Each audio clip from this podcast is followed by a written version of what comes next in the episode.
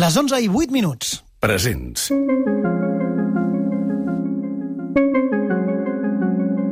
Quan vaig començar aquest projecte, a mitjans de maig, portàvem dos mesos de confinament a Catalunya i gairebé 12.000 morts per coronavirus. La meva intenció era anar més enllà dels números, explicar les històries darrere les xifres, saber qui i com eren les persones que ens havien deixat, per poder fer-los un homenatge. I, sincerament, el repte em semblava tan gran que no sabia per on començar. Però hi havia una pregunta que em perseguia. Qui va ser la primera? Hi havia forma de saber-ho? Mirant l'arxiu, em vaig emportar una sorpresa. Dir que en les darreres hores hem diagnosticat, s'han diagnosticat nou casos més de coronavirus, entre els quals, malauradament, s'ha produït una mort.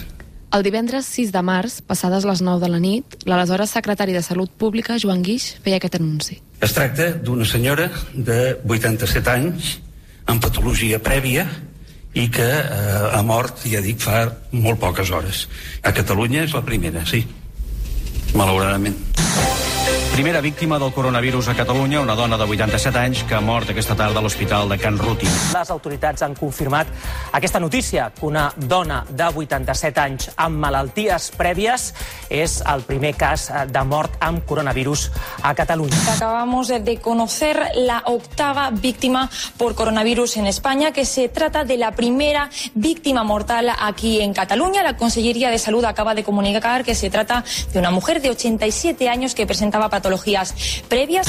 La primera persona que oficialment va morir per coronavirus a Catalunya era una dona de 87 anys. Això era tot el que sabíem. Res més. Qui era aquella senyora? Com podia descobrir més coses d'ella? Només hi havia una forma. I mm, la primera pregunta que et volia fer és com es deia la teva àvia? La meva àvia es deia Rosalia. Presents. Soc la Carola Soler i això és Presents, un homenatge als absents. Un recorregut per les vides dels que ens han deixat a causa del coronavirus.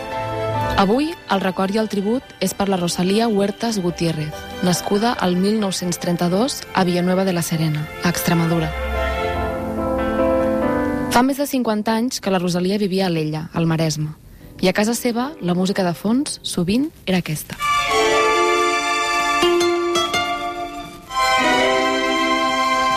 Tenia boix amb aquesta cançó. Ui, sí, sí, sí. I, El emigrante. El, emigra el, el, el emigrante o el inmigrante? El emigrante. De Valderramas. Tengo que hacer un rosario. Tots els dies, tots els dissabtes i tots els diumenges, era arribar a casa seva i la cançó. I jo, ah, La mateixa? sempre, sí. En bucle o com? En bucle, en bucle. I la cantava, li encantava molt cantar. I ballar, sempre estava cantant i ballant. Y aunque soy un emigrante, jamás en la vida yo podré olvidarte.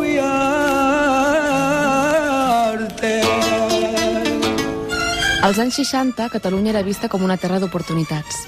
Va començar a rebre a milers de migrants de tota Espanya i molt especialment de zones humils del sud, d'Andalusia i Extremadura. La Rosalia va ser una d'elles. Va arribar aquí el 1966 amb el seu marit i els seus tres fills, l'Àngel, l'Andrés i la Rafi, que tenien 12, 10 i 8 anys. Deixar enrere tota una vida al poble era molt difícil, però creien que era el millor. Que necessitaven perquè hi havia que menjar i hi havia que treballar i allà la feina estava molt malament. A Extremadura es vivia de la terra. Més aviat es subsistia. I la Rosalia volia un futur millor per la seva família. L'Irina recorda que la seva àvia sempre li explicava que l'arribada aquí no va ser fàcil. Tot era nou, diferent. Tindrà tres nens aquí que estan tot el dia rondinant perquè no acaben d'estar còmodes, perquè troben a faltar els seus amics, després que ella tampoc s'acabava de situar, no es, no es trobava en el seu lloc. Va ser molt dur, diu que van ser els anys més durs de la seva vida. Al principi, la Rosalia Treballava netejant cases a Barcelona. Cuidava els nens d'altres famílies, netejava pisos, mentre el seu marit El meu avi treballava a la construcció quan es va vindre cap aquí. Construïa cases. Estava tot el dia treballant, tot el dia, tot el dia. El marit de la Rosalia treballava tant que va arribar a un punt en què ella va deixar de netejar les cases dels altres per dedicar-se a la seva. Es va entregar a la família, a cuidar dels fills i també dels nets, quan van començar a arribar. S'ocupava de tothom, es preocupava per tothom. Eh, per mi ha fet la segona mare, perquè jo sempre he estat amb ella. La Rosalia, o la Rosa, com també li deien, era l'encarregada de fer sempre el dinar per tots. Cuinava espectacular, feia unes croquetes, oh, unes croquetes brutals. I a més li encantava, i ho feia amb tant d'amor perquè li encantava la cuina, o sigui, era la seva debilitat, li encantava. La seva vida a l'ella era bastant rutinària, però amb els anys ja s'hi havia acostumat. Els últims temps s'aixecava a les 8, anava al mercat a comprar, cuinava per la família, sortia al parc a la tarda i els caps de setmana, festa. Sortia a esmorzar o dinar amb la seva filla, la Rafi i els seus nets. Era una dona feliç amb el que tenia, però a la Irina li sap greu que no hagi pogut gaudir més. No ha viscut no, no, no, no ha viscut per ella, ha viscut sempre pels altres. Però vamos, que jo, jo, jo sempre li deia, tienes que mirar un poco más por ti. Clar, però des de ben petita és que, Clar, no, va és que tenir, no, no, no va tenir molta elecció, en realitat, no? No, i llavors, clar, suposo que ja aprens a viure d'aquesta manera i ja canviar pues, és molt difícil.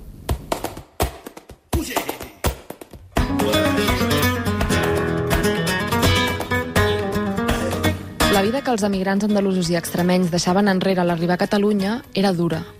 Però la de la Rosalia, jo diria que ho era especialment. Mi madre siempre he recordado yo que era muy niña, podía tener 8 o 9 años. Iba a la, la- según a qué casa y les llevaba a limpiar o sí, sí, sí, ella siempre lo ha dicho.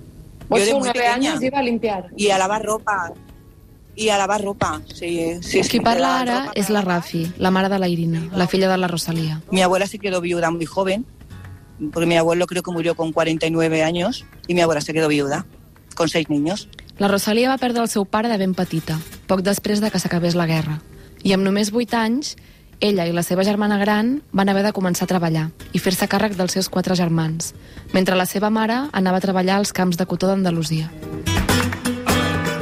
La Rosalia no va trepitjar mai una escola. Ser analfabeta és una cosa que sempre li va pesar. No, no, no, no, no, no. Ella a la escuela no ha ido. En comptes d'aprendre a llegir i escriure o jugar amb els seus amics, de nena, amb només 8 o 9 anys, la Rosalia havia de treballar del que fos per poder ajudar a casa. Sempre se'n recordava d'aquells temps difícils de la postguerra, de com alguna setmana només podíem menjar un crostó de pa. Que habían pasado mucha hambre. Nos comíamos hasta las piel de las patatas, lo que hacía falta. La Rosalia va passar bona part de la seva infància rentant roba, que li va deixar una artrosi important. Però després també va anar a treballar al camp, a caseríos de gent rica, a collir cotó sota un sol de justícia. Iban a coger algodón y maíz también. madre la, la infancia, la adolescencia no la vivió como la vivieron otros niños, ¿no? Es decir, le tocó No, muy duro no, no. pequeña. No, no, mi madre, vamos, ni mi madre, ni mi tía, ni mi... Piensa que ellos tenían su casa y en la posguerra, bueno, en la guerra les cayó una bomba y la, se quedaron sin casa. Una bomba va destruir-los la casa, afortunadament sense ningú dins. Y no cayó esta, cayeron muchas, muchas casas. Sí, pero mi abuela se quedó sin casa. Se quedó sin casa y sin nada. Lo perdieron todo.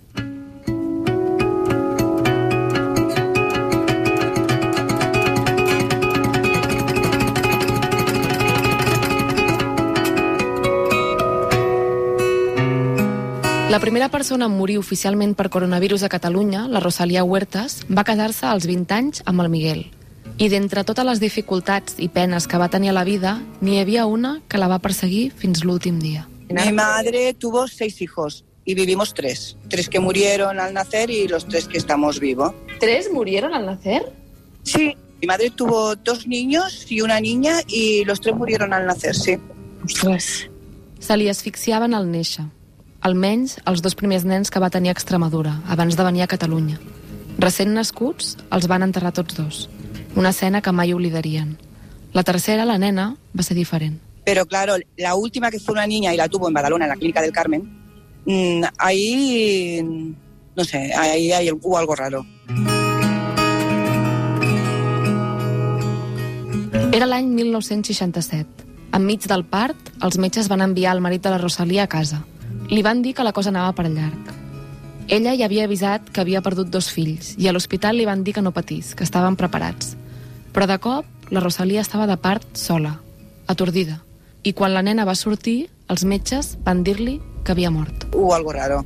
Ella no vio la niña, Els metges no li van ensenyar la nena ni tampoc el seu marit quan va arribar a l'hospital. Els hi van dir que no es preocupessin per l'enterrament, que ells se n'ocuparien. porque ella, claro, los otros los vio y sabe que se le murieron, pero la nena no. La nena no la vio. Y mi padre tampoco. La Rosalia va fer el que semblaria normal. Claro, ella pues se fió de los médicos. Y también ayuda mucho el no saber leer ni escribir, te fías de todo lo que te dicen. Però des d'aquell dia pensava sovint en aquella nena i amb tot el que havia passat el dia del part.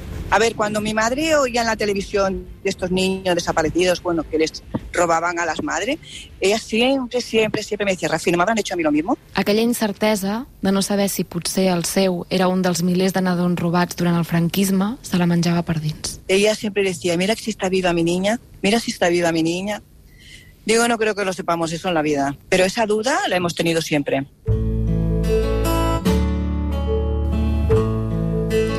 La Rosalia entomava els cops de la vida tal i com venien, amb resignació, sense donar-hi més voltes, i mirava de viure amb alegria.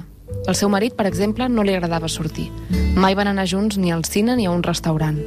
A ella li hagués agradat que fos diferent, però en comptes de lamentar-se, quan la seva filla o la seva neta la convidaven a esmorzar o a dinar, era com una festa. Es posava ben guapa i no sortia sense el seu pintallavis. Però aquí, a l'ella, la seva vida social era limitada.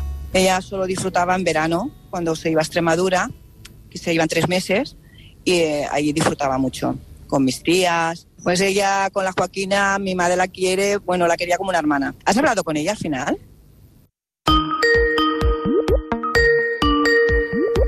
Dígame. Hola, ¿hablo con Joaquina? Sí, sí, Joaquina, sí, sí. Hola, Joaquina, Hola. ¿qué tal? Soy la periodista de, de Barcelona. La Joaquina és la cunyada de la Rosalia i viu a Valdívia, un poblet d'Extremadura de poc més de mil habitants. Els marits de la Joaquina i la Rosalia eren germans i elles dues de seguida van convertir-se en carn i ungla.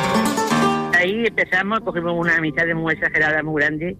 Nos llevábamos muy bien. Es que nos decían que sí éramos hermanas. Fa molt temps, la Joaquina va estar vivint a l'ella, a casa de la Rosalia, un parell d'anys. Els marits treballaven junts a la construcció i elles dues netejant cases. Por lo menos un día la daba yo a ella. Porque desde luego es que lo tenía todo. Es que lo tenía todo. Era buenísima y se quedaba sin todo para darlo. Es que, es que era una persona fabulosa. Però la Joaquina no s'hi va acabar de trobar bé a l'ella i tan aviat com va poder va tornar al poble, a Extremadura. I després eren la Rosalia i el seu marit qui anaven a casa dels seus cunyats cada estiu. Y aquí con nosotros ya digo que como nos llevábamos tan bien, pues estaba hasta tres meses y cuatro. Se llevaba aquí muchísimo todo el verano. Tornar a Valdívia era el que li donava vida a la Rosalia. Amb la seva cunyada sortia i tenia la vida social que li faltava a l'ella. Aquí conocían a todo el pueblo, porque como eh, salíamos, nos tomábamos algo en los bares, pero claro, cuando venía aquí a Extremadura, pues decía que, uy, qué a gustito aquí en, aquí en, en Extremadura. Ara feia vuit anys que la Rosalia no anava al poble. El seu marit estava malalt i va estar al seu costat fins que va morir a l'agost de l'any passat. La seva gran il·lusió dels últims mesos era justament tornar a Valdívia aquest abril, a casa de la Joaquina, per la comunió del seu net. Mi sobrina decía que la iba a intentar por todos los medios de traerla para que no se quedara con la gana de venir de, de eso de Extremadura, para que viniese otra vez. Pero ¿sabes? Pasó lo que pasó. Tengo que hacer un rosario. La Rosalia Huertas va morir de coronavirus als 87 anys el divendres 6 de març a l'Hospital Germans Trias i Pujol de Badalona. Cuando te leo de ti sobre su cuenta divina y ella con nardo y a mí rezaré pa' que me ampare aquella que está en San Gil. El matí de Catalunya Ràdio, amb Albert Segura.